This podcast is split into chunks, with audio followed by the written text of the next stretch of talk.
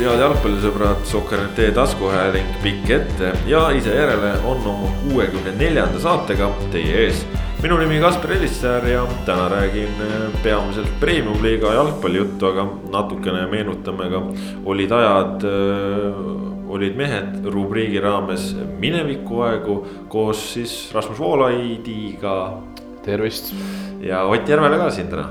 tere, tere no mehed, lõpuks ometi me ei pea enam teoreetiliselt rääkima jalgpallimängust kui sellisest, vaid me oleme äh, lõppenud nädala jooksul äh, näinud koguni kaht premium-liiga vooru. käinud staadionitel, kuhu on meid lubatud äh, termomeetriga kontrollimise järel Äh, mis on olnud, ütleme, et äh, üldjoontes päris pentsik äh, protseduur, sellepärast et need kontaktivabad kraadiklaasid siis termomeetrid üldiselt näitavad väga veidraid numbreid ja, ja nad üldiselt ei kipu väga täpsed olema. aga ometi on need mängud nähtud, mängud kajastatud ja, ja tegelikult on olnud ütlemata põnev nädal ma ütlen siia saate alguses ka, et me täna erandkorras äh, lindistame seda saadet pühapäeva õhtul. Äh, mina ja Ott oleme just saabunud äh, Narvast väikese tuusikuga ja, ja räägime siis väga värskeid muljeid sellest premium-liiga nädalast, seejuures siis nädala esimesele voorule eraldi ei keskendu, selle kombineerime lõppenud kolmandasse vooru. aga nädalavahetuse võib-olla selline kõige mõnusam käimatõmbaja oli ikkagi Nõmme Kalju ja Tallinna Jalgpalliklubi Leegioni matš Hiiu mändide all. tõsi, nädala eespool oli igasuguseid skandaalikesi ja, ja kõike muud vahvat. Nendest jõuame ka põgusalt rääkida, aga, aga see laupäev algas ikkagi noh, algas juba natukene varem ühte teiste asjadega, nendest ka räägime, aga, aga see Leegioni ja Kalju mäng äh, Hiiul. Ott, äh, see oli vist üks päris huvitav jalgpallikohtumine. mul on selles mõttes olnud äh, väga selle õnnelik nädal, et kõik neli kohtumist, mida ma sel nädalal olen koha pealt kajastanud, ehk et Paide tulevik, Flora Tammeka, Kalju Leegion ja Transflora on eranditult olnud põnevad ja, ja, ja pakkunud äh, jalgpallidraamat äh, selle klišeeliku termini parimas tähenduses või etemas tähenduses. ja tõepoolest, ega, ega Kalju Leegion noh, sobitus sinna ansamblisse igati, igati kenasti. see oli õpetlik kohtumine, ma arvan, ja mõlemale meeskonnale ta näitas äh, Nõmme Kaljule, kes mängib teatavasti tiitliambitsiooniga äh, ära mitmed nende nõrkused, mitmed puudujäägid. Äh, noh, alustame siis sellest, et tõesti, mida ka kapten Igor Subbotin kohe mängu järel intervjuus välja tõi, et keskendumine, keskendumine, keskendumine. et kui sa tunned, et sa ei ole sada protsenti, siis ütle ja las mängib keegi teine oli Subbotini väga konkreetne sõnum ja ma pakun, et üks adressaat oli tõepoolest Vladislav Homutov, kes teenis noh, ikkagi lolli punase kaardi. et noh, see, et punane kaart vahest juhtub, seda noh, see käib jalgpalli juurde, aga, aga see on see, et, et noh, et kui sa teed selle niivõrd lollisti, vot siis, siis see tõesti halb keskendumine, mänguks mitte valmis olemine, vastase mitte piisavalt tõsiselt võtmine, äh, äkki keerulistest tingimustest äh, enda häirida laskmine ja noh, ega need tingimused ei olnud nüüd jalgpalli jaoks seal laupäeval kõige meeldivamad, sellepärast et ilm oli päris palav ja kunstmurul silmatorkavalt kuiv. mis muudab ta on ju aeglaseks, noh, see nõuab sellist suurt pingutust mängijalt, et igas selles episoodis, mänguepisoodis olla ikkagi täpne, olla tasemel. ja, ja see nõuab vaimset pingutust ja, ja siis alles sa, muutub see mäng nauditavaks, et niisama loomulikust nagu midagi ei tule. Homutov oli kindlasti üks mees, kes sellega hakkama ei saanud ja noh, siis kui Homutov oli oma punase kätte saanud, siis tegi Kristal vahetuse, no loogiline vahetus. noh, pidi minema neli-neli ühe peale üle. Äh, Kaarel Usta või Aleksander Volkov seda tipu, tippmist meest noh, pigem mängida ei suuda. Volkov tegelikult ilmselt suudaks, aga teda on mõistlikum ääre peal hoida sellises neli, kui sa oled arvulises vähemuses. ja, ja toodi sinna ette siis Amir Nathoo, Kaarel Usta võeti välja ja no siis hakkas Kalju mängima, tegelikult hakkas mängima sellist isegi neli-viis-null taktikat. sest see Nathoo mängis sellist allalangevat äh, false nine tüüpi tegelast ja, ja aga Nathoo oli teine mees, kellele, kelle kohta minu arust need Subbotini sõnad käisid, sellepärast et kui tema oli mängu tulnud, mis oli kuus-seitse minutit pärast seda, ta, ta noh, seal ütleme keskringi enda karistusele vahepeal hakkas jahmerdama, kaotas palli ära, Mašitšev koksas selle Šatovile, kes lõi üks, üks-null on ju. mis oli noh, kohtumise murdemoment number kaks pärast Homutovi punast kaarti. ehk et noh, kaks legionäri, kes peaksid tegelikult olema Kalju jaoks sellised juhtivad jõud, eksisid. tegelikult siin on veel tähtis mainida seda, kuuendal minutil, kohtumise kuuendal minutil ka Pedro Victor, see Brasiilia esiliiga kogemusega keskkaitsja andis ju täiesti arusaamatu tagasisöödu, kust ka Šatov pääses üks-ühe, ei lahendanud ära lihtsalt. ehk et noh, kui me toome, tõin praegu välja kolm legionäri, kes kõik eksisid Kalju jaoks ikkagi väga jämedalt. siis äh, see on kahtlemata väga õpetlik, et, et Leegion on seda masti hets, kelle vastu ei ole niimoodi võimalik. ja ütleme, mul on tunne, et siin noh, ütleme Premiumi liiga senist käiku vaadates, siis satsi, kelle vastu oleks niimoodi võimalik noh, ütleme punktid on kõigil juba tabelis. Tammeka on Florat üllatanud, Kalev on Tammekat üllatanud, Tulevik on Paidet üllatanud. Äh, noh, okei okay,, Transil on see, kellel ka õnnestumist seni kirjas ei ole, aga samas see mäng, mis nad täna, eile Flora vastu tegid, see oli igati hea, eks ju. ehk et äh, ei olegi võimalik niimoodi eksides äh, tulemust saavutada Premiumi liigas või vähemalt äh, kõik säärased lihtsad eksimused äh, hoopis suurema tõenäosusega karistatakse ära see on meile neutraalse jalgpallisõbra seisukohalt ja ka ütleme, Eesti jalgpallisõbra seisukohalt, kes, keda huvitab Premiumi-liiga üldine areng, kahtlemata väga sümpaatne, et see tase ja konkurents on, paistab, et muutunud ühtlasemaks. ehk et noh, need on kindlasti ühed asjad, mida Kalju saab õppida.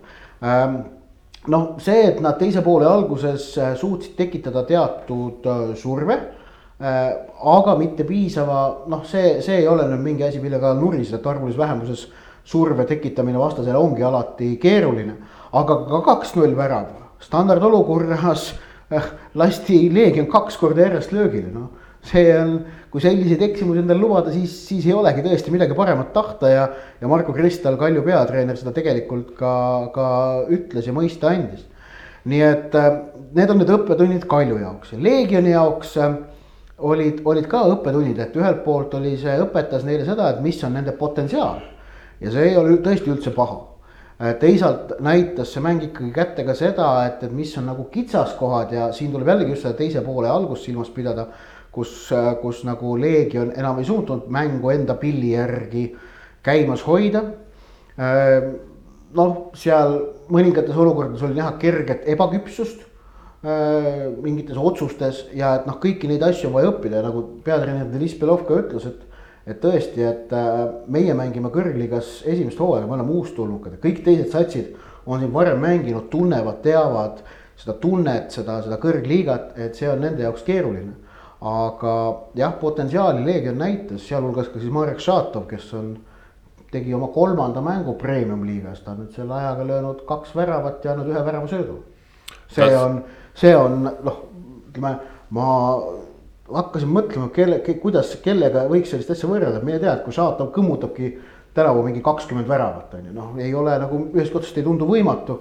aga see oleks selline, kuidas öelda, Rimo Hundilik tulek, ka selline hiline ärkaja kõrgliigasse. Kui me eelmisel hooajal äh, nägime noh, Leegionit kasvõi karikamängus Narva Transi vastu, siis äh, nende mängus oli sellist äh, noh, teatavat naiivsust kas märkasid äh, selle kadumist või, või kuidas selle nurga alt äh, Leegioni mäng äh, oli? no ma usun, et seal ikkagi noh, see, see kõrgliiga kogemus, mis neile kahe hooaja vahel on, on juurde tulnud, näiteks Artjom Martjunini ja Nikolai Mašitševi näol, samuti Pavel Londaku näol. et need kolm meest moodustavad ju säärase selgroo tegelikult kohe sellele võistkonnale alt üles võttes kes, kes on seda olulisel määral seda, seda kogenematust või, või seda noh, lapsikust või, või ikkagi elimineerinud, et, et noh, et Mašitšev andis avaväraval Šaštovile söödu, Artjunin lõi kaks-null värava, Londak äh, tegi väga tähtsa tõrje veel null-null seisul, teisel poolel hoidis satsi kenasti vee peal. et äh, noh, see kogemus maksab ja, ja annab Leegionile olulisel määral juurde, ehk et ma, ma tõesti ma ei ole, on ju Leegionit eelmine hooaeg vaatasin ainult episoodiliselt ja ma olin nende suhtes äh, enne käesolevat hooaega üpris skeptiline. Äh, see, mis ma Kalju vastu nägin, see oli ootamatult hea pilt. Läheme siit edasi Tartu Tammeka, kes suutis nädala keskel võõrsil Florat näpistada, teha nendega null-null viigi äh, pakkuda väga palju ka sellist kõmuainet, siis nüüd Tallinna Kalevilt eh, null kaks ja, ja noh, ma ise küll olin Narvas sel ajal, aga, aga Rasmus võib vist öelda, et päris näotu mänguga. kui me räägime Tammeka vaatevinklist, siis näotu on õige, õige sõna suhteliselt jah, erinevalt äh, Kalevi iseloomustamiseks see väga ei kõlba. Kalev on Liivo Leetmaal on selline väga maksimalistlik meeskond, ma ei usu, et nad nädala alguses oleks oodanud, et noh, siin sel nädalal võtame neli punkti, see on nagu reaalne küll. Et Transi ja Tammeka vastu selgelt mõlemas mängus Kalev äh, initsiatiivi loovutas ära, ise, ise lootis enda üksikutele võimalustele, Hannes Annierile seal ees ja ja suurepäraselt toimis, Annier oli tõesti no, super mängutegija täna, et ma oleks ta valinud mängu parimaks ka siis, kui mäng oleks jäänud null-null ja ta ei oleks löönud ühtegi väravat, aga ta lõi kaks ja siis noh, ei olnud enam, ei olnud enam võimalik nagu absoluutselt mööda vaadata temast aga see, kuidas Daniel Maanast äh, mees koolitas, no Maanas on ju teinud ka väga hea hooaja alguse, tuleviku vastu lõi ise värava ja. Flora vastu väga hea mäng. ja ma toongi järgmisena kohe Flora, Flora välja jah, et tema pani Flora ründajad taskusse, aga nüüd Hannes Anieriga Maanas hakkama ei saanud ja üldse. Kõik need äh, ülejäänud mehed ka, kes Tammeka eest Flora vastu kõvasti võitlesid ja, ja särasid ja, ja nii edasi kõik järjest riburada pidi põhimõtteliselt täna ikkagi lati alt läbi jooksid või noh, siis eile. no tundub jah, et see jalgpalli selline psühholoogiline mõju, see on ikkagi selline ületamatu, et nii kui kui on õnnestumine, võib-olla mis on isegi natuke ootamatu ja, ja tekib selline hea kindlus sisse, siis on ikkagi väga-väga lihtne on see libastumine tulema, aga kuidas äh, Mihkel Järviste täna mängis, et temast on võib-olla nüüd nädala jooksul kõige rohkem räägitud äh, pärast seda noh, äh, vägisõnu ja, ja dialoogi Konstantin Vassiljeviga, et oli, oli näha, et kas see kuidagi kammitses tema mängu ka või, või polnud sellest märkigi? Ja ma proovisin sama pilguga vaadata, et noor mees esimest korda üldse tegelikult ju kõrgendatud meedia tähelepanu alla sattunud, mitte kõige paremas valguses, vastupidi ja ja seda ei paistnud välja, ta oli, mängis enesekindlalt, ta mängis äh, rahulikult. ja ta mängis tegelikult, äh, ma tookski Tammeka poole pealt kui nagu plusspoolele põhimõtteliselt kannaksin ka kaks meest, üks on Mihkel Järviste ja teine Patrick Enro Veelma. kes äh, Flora vastu ei mänginud üldse. Aga täna siis Koppel valis nagu ründava taktika, et kui Flora vastu mindi viie mehega ja üks neist oli viie, viiese kaitseliiniga ja Alfred Tammiksaare sai siis debüüdi kirja, siis nüüd oli Tamm, Tammiksaar pingil äh, ja Veelmaa sees ja neljane kaitseliin. ja veel, Veelmaa tegi väga kõvasti teravust ja Järviste oli ka keskväljal oli korralik. aga sai mitu korda karistuslööki proovida, mis ta ise teenis mit, mitmel puhul. Äh, karistusega väga hästi välja ei tulnud, aga, aga noh, ütleme, et Tammek ohtlikumad olukorrad ikkagi no äh, Kalev äh, nädala keskel Transi vastu noh, oli väga-väga suure surve all, aga suutsid sellist äh, distsipliini säilitada ja noh, ütleme. Karl-Andre Valner tegi seal ka ikkagi suurepärase mängu, nüüd Tammeka vastu Kalevi mäng tundus sarnane. tundus. Valner ei pidanud seekord ise tassima selle vahega, mis üldse ei, nagu ei kehti selle hooaja Kalevi valemisse, senisesse valemisse. et tulemused on ju tulnud, isegi see üks kaheksa tuli tänu Valnerile, et mitte ei olnud kahekohaline arv. Tammeka ei suutnud Valnerit niivõrd surve alla panna, aga, aga see distsiplineeritus, järjepidev töö, üheksakümmend minutit keskendumine, kõik need äh, märksõnad, mis, mis käivadki sellise tabeli lõpumeeskonnaga vastu kohta, kes, kes peab tulemuse tegemise, tegemiseks ennast ületama ma ütleks küll, et äh, Kalev kaks korda sel nädalal ületas ennast. Ott, kas äh, Konstantin Vassiljevi mängus Transi vastu oli mingeid äh, märke sellest, mis toimus nädala keskel? ei, miks peaks? ei, muidugi ei olnud ja, ja ei tasunud arvata, et, et Premium liiga kõige tituleeritum mängija ennast mingist säärest asjast kuidagi häirida laseks. et noh, me võime muidugi seda kõike siin hakata üle rääkima, aga pigem ei hakka, see võtab, mis juhtus, et seda ma usun, kõik, kes meid kuulavad, on sellega kursis. on kursis ka erinevate arvamustega, mis seejärel on, on kõlanud ja, ja eks igaühel ongi seal mingi oma tõde. minu oma on see, et, et Vassiljevil oli õigus niimoodi arvata, nagu ta arvas, aga see selleks, ei Vassiljevi mängust täna seal Narvas küll miski nagu kuidagi välja ei paistnud.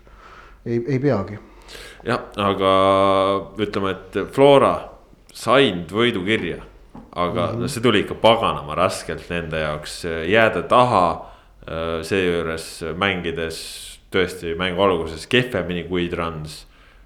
siis ütleme teise poole alguses läbi õnne minna juhtima, aga noh, lasta ultrakiirelt omale uuesti tagasi lüüa, noh, see on ka selline, et kõige tõenäolisem äh, värav lüüakse sulle siis, kui sa oled ise just värava löönud, nägime ka, ehk siis selline Flora, ma ei tea, keskendus või keskendatus äh, ei tundu nagu liiga heal tasemel olema, et seal läks ikkagi nagu aega, et oma mäng käima saada ja no eks teisel poolel. noh, see sööt juba hakkas liikuma seal noh, lõpupoole eriti on ju, aga, aga nagu Flora ei ole nagu väga veenev äh, siin hooaja alguses olnud nüüd jah, kui nüüd vaadata selle nädala mänge Tammeka ja Transiga, siis kummalgi puhul esimene poolaeg Floral ei õnnestunud, et äh, ja, ja mingi osa sellest esimesest poolajast, eriti just nimelt kohtumise algfaasi mängis Flora tegelikult suisa kehvasti mõlemal puhul et ka tegelikult Trans täna ju mingi kahekümnenda minutini oli, oli pigem domineerivam pool. selgelt parem meeskond. ja, ja, ja tundis väljakul mugavamalt, kui me meenutame mängu Flora Tammeka, siis seal oli sama asi ka Tammekaga, et nad olid esimest veerand tundi tegelikult ju valitsesid. Et, et Flora sai siis jah, mõlemal puhul esimese poole teises pooles kosus ja tõeliselt head mängu näidati siis kohtumise viimasel pooltunnil, võib öelda, noh, tänane see Flora muidugi viimane pooltund oli muljetavaldav, see, kuidas suudeti vahetusega mängu tuua murre. ehk et kaks-kaks seisul, noh, kõige lähemal oldi juhtväravale siis, kui Henri Järvelait seal vist viiekümne seitsmendal lõi ühe karistuslöögi ülinapilt väravast mööda. ja siis tuli Vlassi Sinjavski väljakule ja see otsustas mängu. Sest et Sinjavski koostöös Järvelaiu ja Vassiljeviga, kes hakkas teda seal väga oskuslikult mitmel puhul üles leidma äh,. panid äh, Transi paremkaitsja Škinjovi ja noh, kogu selle Transi selle serva ikkagi sellise suhteliselt lakkamatu surve alla. ja vahepeal viidi alliku kaudu mängu paremale ka, et noh, nagu oleks natukene variatsiooni. aga tegelikult ikkagi suht nagu järjekindlalt otsiti Sinjavskit vasakul. ja otsiti ja otsiti ja ta noh, algu-, mõned asjad ei tulnud välja. aga siis hakkas ta üha järjekindlamalt äh, suutis hakata andma tsenderdusi kasti ja see pani jällegi Transi teistmoodi surve alla. Vaikla ei saanud nende püüdmistega hakkama, lõi enamiku rusikatega klaariks või siis klaarisid kaitsjad, mis tähendas, et pall jäi kogu aeg mängu et, et äh, Trans ei saanud nagu äh, Sinjavski tsenderduste järel palli enda valdusesse, vaid see jäi mängu, mis võimaldas Floral kogu aeg seda survet kuhjata ja kuhjata. ja noh äh, ütleme nii, et nagu, mida tegelikult Vassiljev ütles pärast seda Tammeka mängu kurikuulsat momenti, et, et jalgpall ongi see, see mäng, kus üks meeskond paneb pidevalt survet ja survet ja teine peab sellega noh, hakkama saama. ja noh, kui Tammekal jah, siis õnnestus kolmapäeval hakkama saada, siis Trans lõpuks ikkagi selle surve all murdus eh, ehk et eh, noh, seesama Sinjavski äärkaudu see värav ka tegelikult tuli, et see noh, värav sündis selles mõttes noh ei saa öelda oodatud moel on ju, et noh, oodatud variant oleks olnud see, et Sinjavski mingi tsenderdus oleks kuidagi läinud tee väravasse. oodatud, oodatud variant see tõesti ei olnud, ka mina, mina, mina ei oodanud seda. oodatud variant oli minut enne seda, kui Sinjavski tsenderduse Markus, Markus Poom oleks pidanud kahe meetri pealt peaga sisse lööma. siis ma olin hästi valmis. aga, aga aga, aga ei saanud, ei saanud väravale pihta. no Järvela tõi selle kaugemalt selle no supervärava, okei okay,, aga tegelikult mängupildi järgi oli see Flora kolm-kaks värav tegelikult loogiline sest et Flora surus niivõrd võimsalt. aga samas, kui sa nüüd võtad äh, Flora mängu enne äh, Sinjavski sissetulekut, siis Miller oli küll Skinjovil suhteliselt tagataskus. Skinjov mängu algusest peale otsiti ju pidevalt, Enar Jääger äh, ladus diagonaale sinna Milleri peale, Kostja lagus äh, sinna Milleri peale diagonaale. aga Skinjov sai need kõik kätte. Skinjov, no ütleme, et Miller Skinjovi üle mängida praktiliselt ei suutnudki, pidevalt. aga, ta ei, ole, aga ja... ta ei ole ka ju seda tüüpi mängija, et, et Milleriga minu meelest oli siis, otsiti isegi veel rohkem rünnakule Järvelaiu liitumist et kui Miller oli väljakul, siis enamikud senderdused vasakult äärelt tulid Järvelaiu jalast kasti. samas ütleme, et ka Miller, ütleme, et äh, teada-tuntud ju ka keskpoolikus oma elus palju mänginud ülemäära palju sissekäike ei tõmmanud, et selles mõttes äh, see Sinavski tulek tegi noh, ütleme andis Flora mängu sellise puudunud sirgjoonelisuse. et Sinavski võtab palli ja ta läheb, ta lihtsalt läheb ja, ja nii ongi. aga samas jah, küsisin ka Jürgen Hennigi käest pärast mängu tema kohta ja Henn, Henn märkis, et et esiteks ta ei tahtnud hakata tegema koosseisus vahetusest, et noh, treeningmänguga otsis ka mingit rütmi sellele eeldatavale põhikoosseisule, ei tahtnud seda lõhkuma hakata. eks nüüd edaspidi vaatab ja tõi ka veel olulise asja välja, mida, mis on see argument, mida mina olen rääkinud kahe tuhande viiendast aastast saadik, kui siin A Le Coq Arena'l Eesti võitis Lätit kaks-üks ja mängu alustas Kristjan Viikmäe ründaja positsioonil. ja siis toodi vahetuses sisse Tarmo Neemelo, kes nagu noh, möllas seal niimoodi, et lätlased ei saanud temaga absoluutselt hakkama ja hiljem oli jutt, et aga miks Neemelo kohe ei võinud alustada, miks see Viikme seal alguses pidi töötama. sellepärast, et Viikme töötas esmalt kuuskümmend viis minutit ja väsitas neid Läti kaitsjaid. ja siis toodi karu nende vastu mürama niimoodi, et Latšplesi seal polnud enam jõudu seda karu tappa. ja tegelikult samamoodi ka praegu on noh, Hen-, Henn andis mõista ka, et, et Sinjavski trumbid tulevad eriti hästi esile tegelikult Väsinud siis, kui väljakul on juba rohkem ruumi, sest vastane on väsinud. ja see tänane, tänase kohtumise tingimused, kus oli noh, ikkagi no selle no, kevade kohta ikka väga palav ilm. kakskümmend kraadi sooja, tartaan õhkas kuuma. no oli, oli, oli palav ja oli keeruline mängida, oli näha oli, et noh, mängijad ikkagi ei olnud selle praegu. noh, kuna viimased kaks kuud meil sellist ilma eriti olnud ei ole, siis no ei olnud harjunud, on ju. ma arvan, et juulikuus kahekümne kraadi käes ei ole pro probleem, et siis on sama asi, kui on kakskümmend kuus, seitse on ju. Et, et need kõik mängisid kokku, et, et selles mõttes jah, Sinjavski ilmselt põhikoosseisus poleks äkki, poleks ilmselt niivõrd äh, suure kasuteguriga olnud jah, aga noh, Transi puhul äh, ka võib-olla välja tuua, et, et tõesti nädala keskel kaotasid äh, Deniss Poljakovi ja. ja veel ei ole täpselt teada, kui tõsine see vigastus on, rääkisin äh, Transi mänedžeri Konstantin Burdakoviga ka, ütles ka veel, et esmaspäeval on uuringud ja selle järel siis selgub noh eks näis, kui kiirelt need vastused ja kõik see teadmine tuleb, aga, aga keskväljalt oli, oli üks lüli puudu ja Nurlan Novružov, muidu ääremängija. keskväljal ikkagi no pakkus sellist eh, huvitavat eh, rütmi sinna. üpris Poljakovilik esitus tegelikult ka selline noh tehniline mängija, noh võitluslikkust natukene vähem, vähem agressiivsem jah. natukene vähem agressiivsem, aga see-eest jällegi isegi natukene. tempokam. tempokam jah, vist nii on õige öelda et ei, selles mõttes koosseisuga Transil nagu probleemi ei olnud, et Transi esitus oli korralik ja. ja noh, Cenk Eskan oli, oli pärast mängu noh löödud, et noh, pagan oma vigadest ka, oma vigadest läksid punktid kaduma.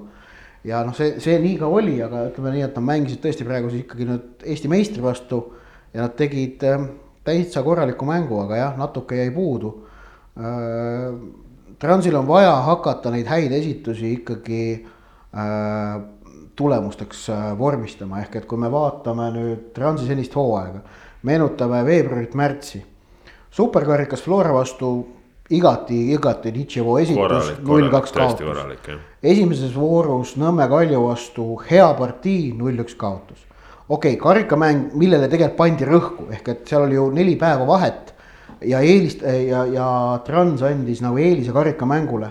seal saadi Kaljust jagu, kaks-üks ja nüüd siis pausi järel Kalevi vastu oli vist, ma seda mängu ise ei vaadanud, aga noh, lugesin, et väga nagu selline domineeriv esitus, aga seis üks-üks. ja nüüd täna Flora vastu jällegi noh, ikkagi üle keskmise, üle ootuste hea esitus, aga tulemus kaks-kolm. et äh, esituste tulemuseks vormistamine on see, on see võtmekoht. üks mees, kes võib seda, sellele kaasa aidata, on ikkagi see Chinedo Geoffrey, nigeerlasest ründaja. tegelikult on võimas kuju no ta tundus kuidagi, et äh, ta nagu tundus, ei saanud, saanud oma puudet jah nagu paika. jah, aga tegelikult on ikkagi võimas kuju, kui sa vaatad teda ka väljakul, et, et noh, sellist äh, jõudu naljalt Eesti liigas edurivis pole kohanud ja nüüd on huvitav näha, et kas ta nagu, kui nagu vastas ei ole Kalju või Flora, ütleme. et kas ta siis saab ennast lõpuks nagu käima, et kas ta suudab olla selline Tšekulajevslik väravamasin, kes, kes noh, tagumistel tabeli teisel poolel võrgub puruks peksab. nojah, samas. selle jaoks ta sinna toodi no., eelmine sügis mängis Ukra mees Ukraina kõrgliigas. ja selleks toodi, aga noh, me ei tohi unustada, et eh, premium liiga eh, tabeli lõpus on need kaitsjate nimed on ka läinud selliseks, noh, ütleme, et võrdlemisi tugevapoolseks, et. et seal on neid täiendusi ka igasuguseid huvitavaid, aga tõesti noh nagu Roman Tšovtšenko ütles, et kui tekib ilus mängupilt, siis peavad ka tulemused tulema hakkama. mängupilt juba enam-vähem, nii et saame näha, igatahes kahtlemata Trans võib-olla ongi kolme vooru järel kõige õnnetum meeskond, sest vaieldamatult on hästi mängitud, aga, aga punkte on, on napp üks isegi jah. aga üks meeskond, kes suutis ennast rehabiliteerida, Paide linnameeskond teisipäeval siis kodus, noh ikkagi šokk-kaotus, üllatuskaotus, suur üllatus, noh. Ott küll kirjutas koefitsientidest ja kõikidest, et kui võsas need olid, aga, aga lõpuks ikkagi tulevik võitiski. Paidet ja, ja Paide nüüd siis Kuressaare üle võidu sai, aga, aga Rasmus noh nagu ma ka ise kirjutasin, siis Paide rehabiliteeris end, aga jututeemad olid teised. jah kui siis räägime esialgu Paide, Paide mängust kui sellisest, siis see läks äh, ma ütleks küll, et paremaks läks see küll, sest see oli, tuli see kirg, tempo ja need äh, äh, sellised omadused tulid taga, tagasi, mis teisipäeval absoluutselt ei meenutanud Paidet, noh. kui me teame ju, milline Paide oli eelmine aasta, milline nad olid esimeses voorus. Tõsi, no siis tuli neil, oli väga hea mäng ja vastane ei olnud suurem asi ka tol päeval, aga, aga siiski noh, seda lusti ja kõike seda, milles, millest Paide kogu aeg õhkab. kõik välismaalased on sellised lustlikud ja tempokad ja toreda jalgpalli mängivad mehed ja eestlased ka, kes seal on, on kõik sellised noh, ühine, ühine rusikas no teisipäeval ei olnud sellist meeskonda väljakul, aga, aga nüüd äh, laupäeval juba oli. et Kuressaare küll alustas hästi, aga, aga siiski noh, sellist äh, tunnet ei olnud nagu, nagu teisipäeval juba algusest peale oli, et, et kurat, siin tulevik teebki võib-olla ära aga et noh, et Paidesse ikkagi, ma usun, Paide fännid äh, uskusid algusest peale laupäeval.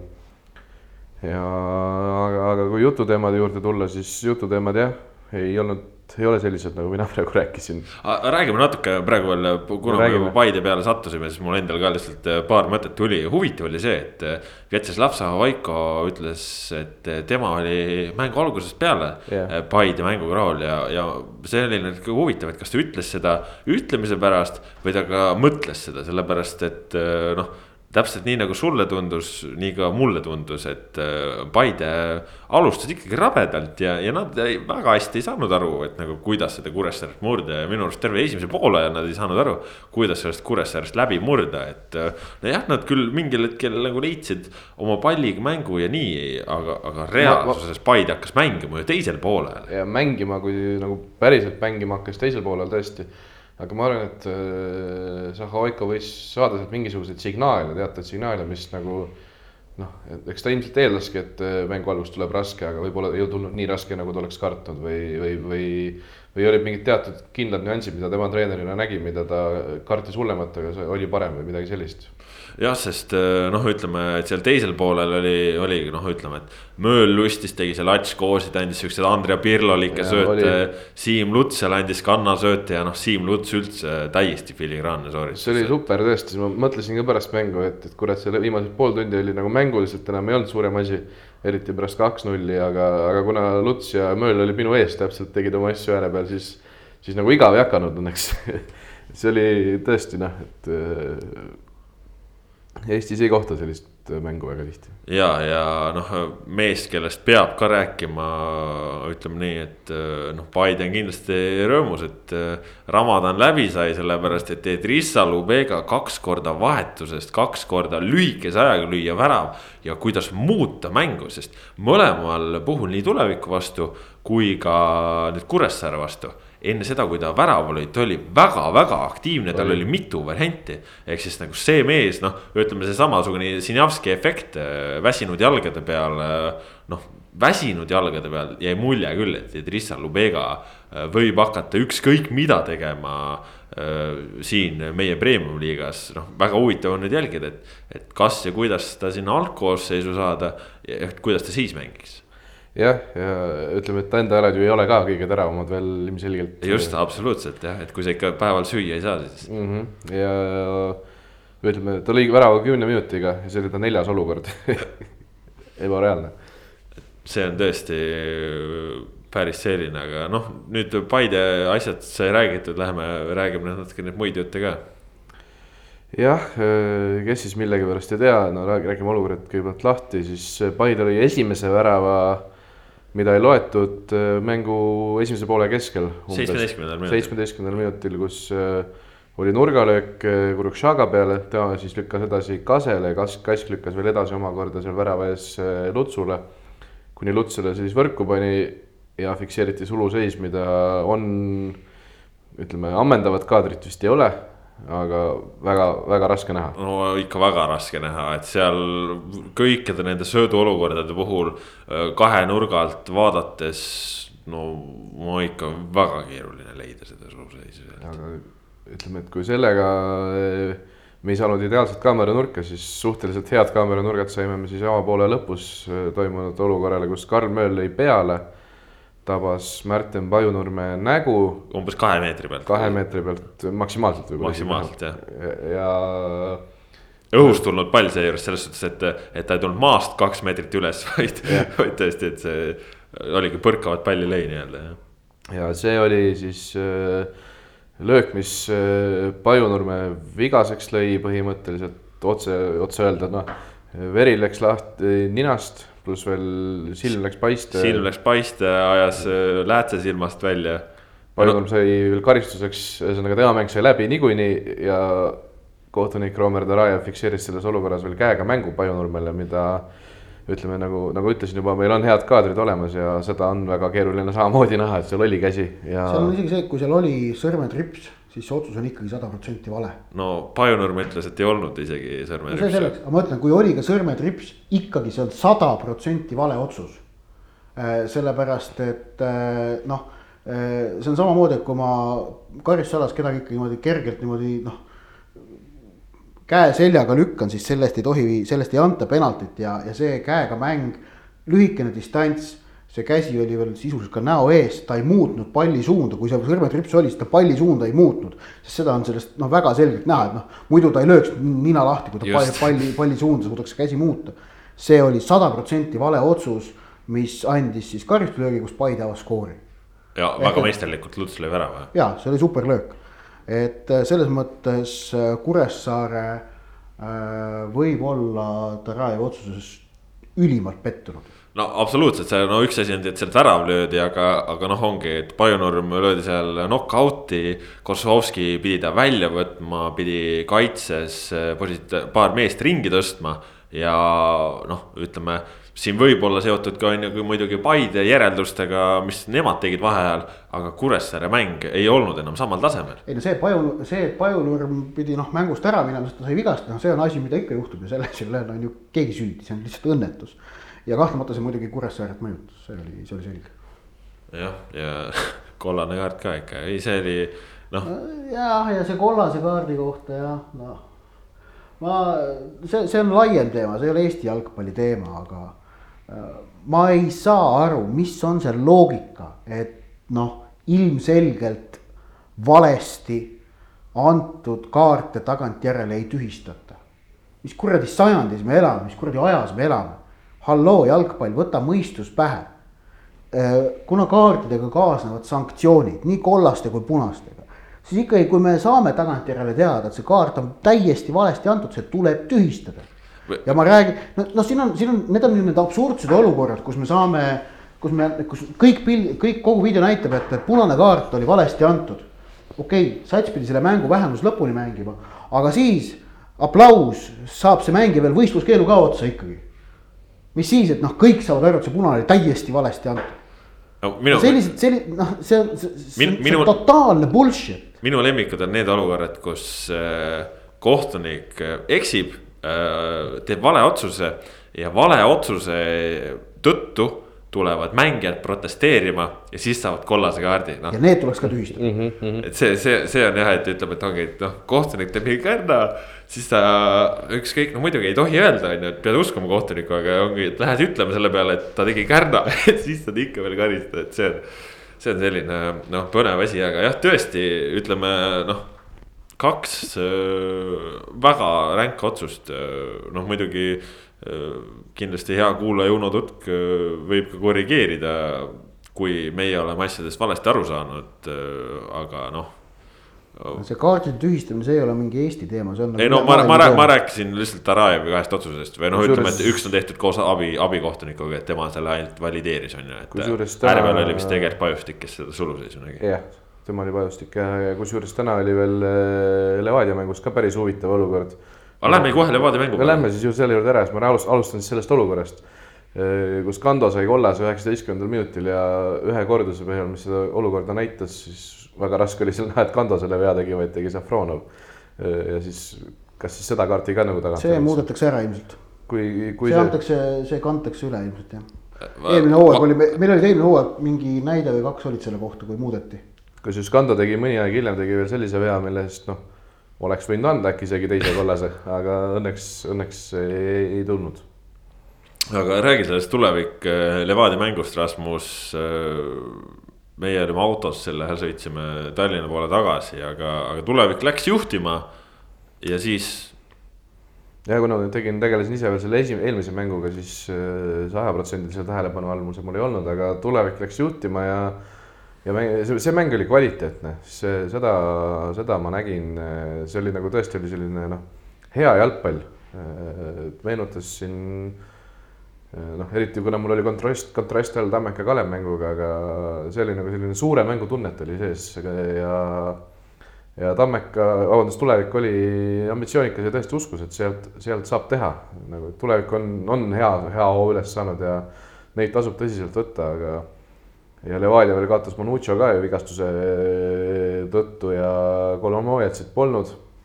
aga tuli siis, tuli siis Manuccio asemel sisse poole tunni järel Robert Kirss, keda väljakul oli noh, ega teda liiga palju näha ei olnud, aga paar korda oli ja siis ta oli nii-öelda Filippo Inzagilik ründaja, et tegi täpselt õige koha peal õiged asjad ära ja, ja vedas Levadia võidule nojah, ja tegelikult ju ka eelmises äh, voorus äh, samamoodi äh, Kirst ju tuli tegi, on ju, et resultatiivne sööt seal Manucciole, mis noh, tegelikult aitas seda mängu nii-öelda Levadia poole kallutada, et tundub, et noh, Martin Reimi noh, käe all on siin Levadiast käinud üle kõik asjad, mis on, aga, aga läbi raskuste tulevad ikkagi punktid ja, ja see on ju tegelikult noh, kui me hakkame juba rääkima, siis see on, need, need on need punktid, mida meistrid võtma peavad.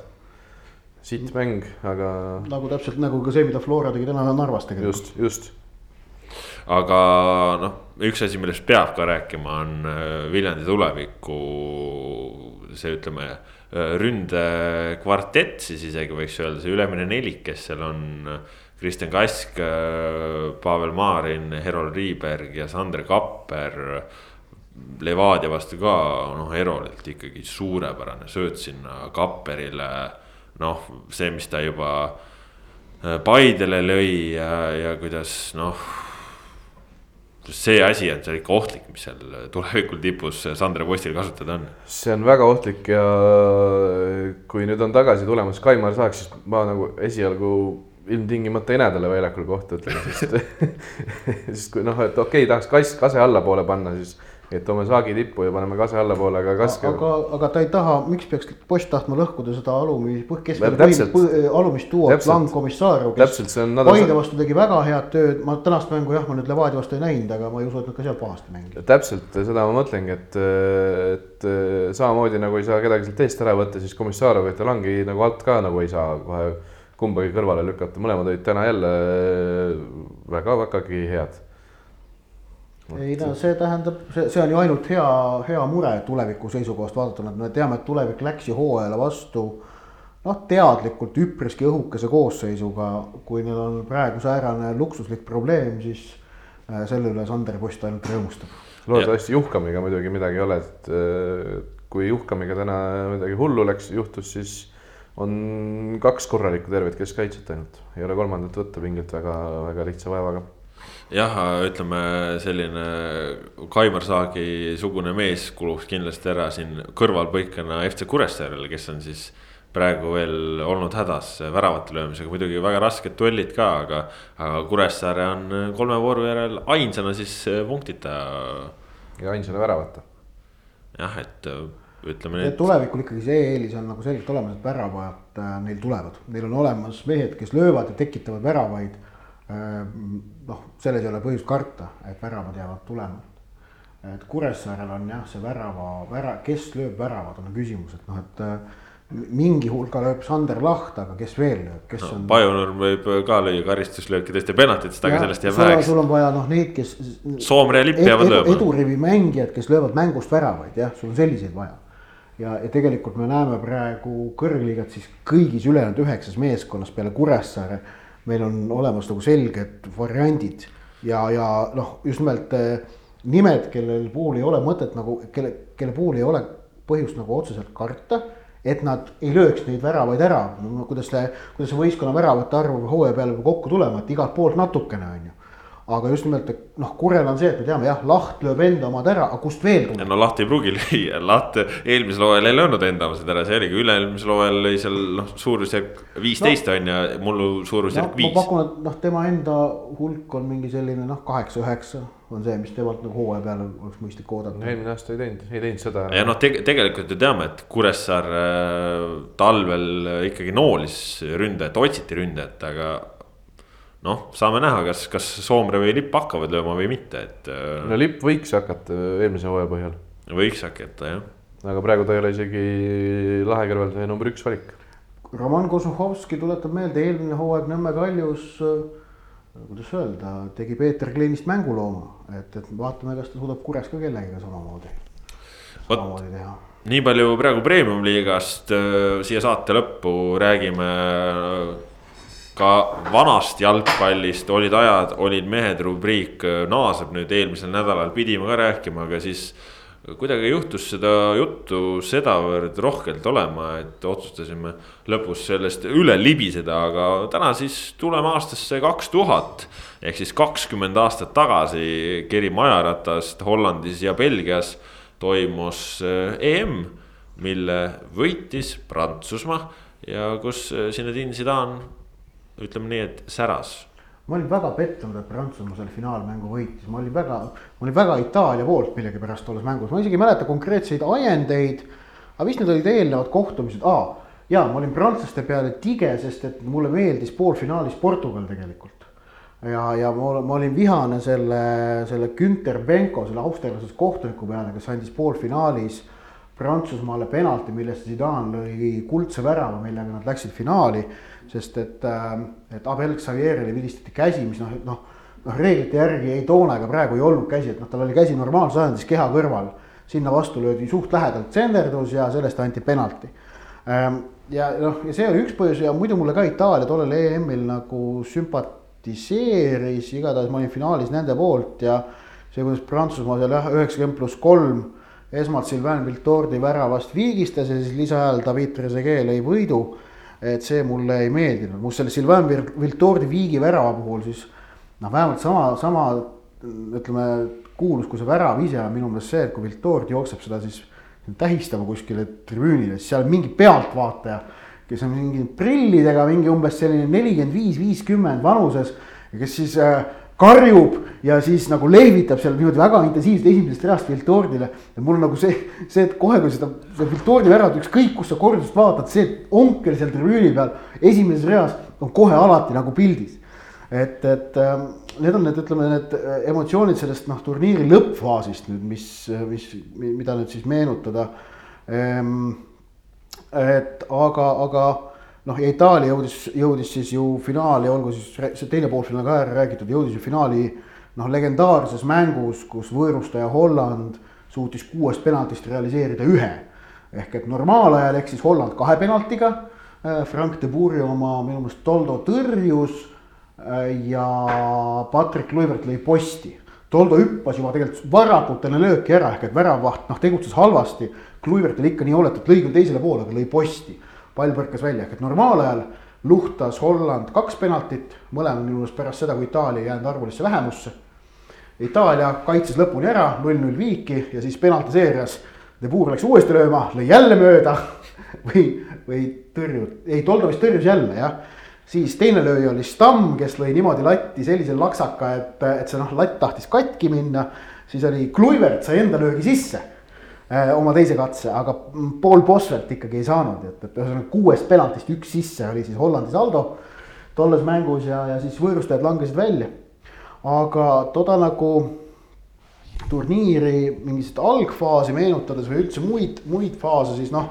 A-alagrupp oli muidugi selles mõttes märkimisväärne, et äh, Portugal võitis selle täiseduga ja teisena läks edasi Rumeenia ja koju sõitsid Inglismaa ja Saksamaa olid ajad. Olid, olid ajad ja olid vägevad ajad, et Saksamaal läks too turniir ikka täitsa aia taha ja kaotasid inglastele, kaotasid Portugalile.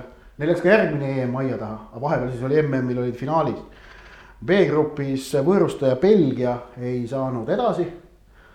Äh, mul meeles avamäng oli minu arust Belgia-Rootsi, jah, oligi B-alagrupi mäng Belgia-Rootsi, Belgia võitis selle kaks-üks.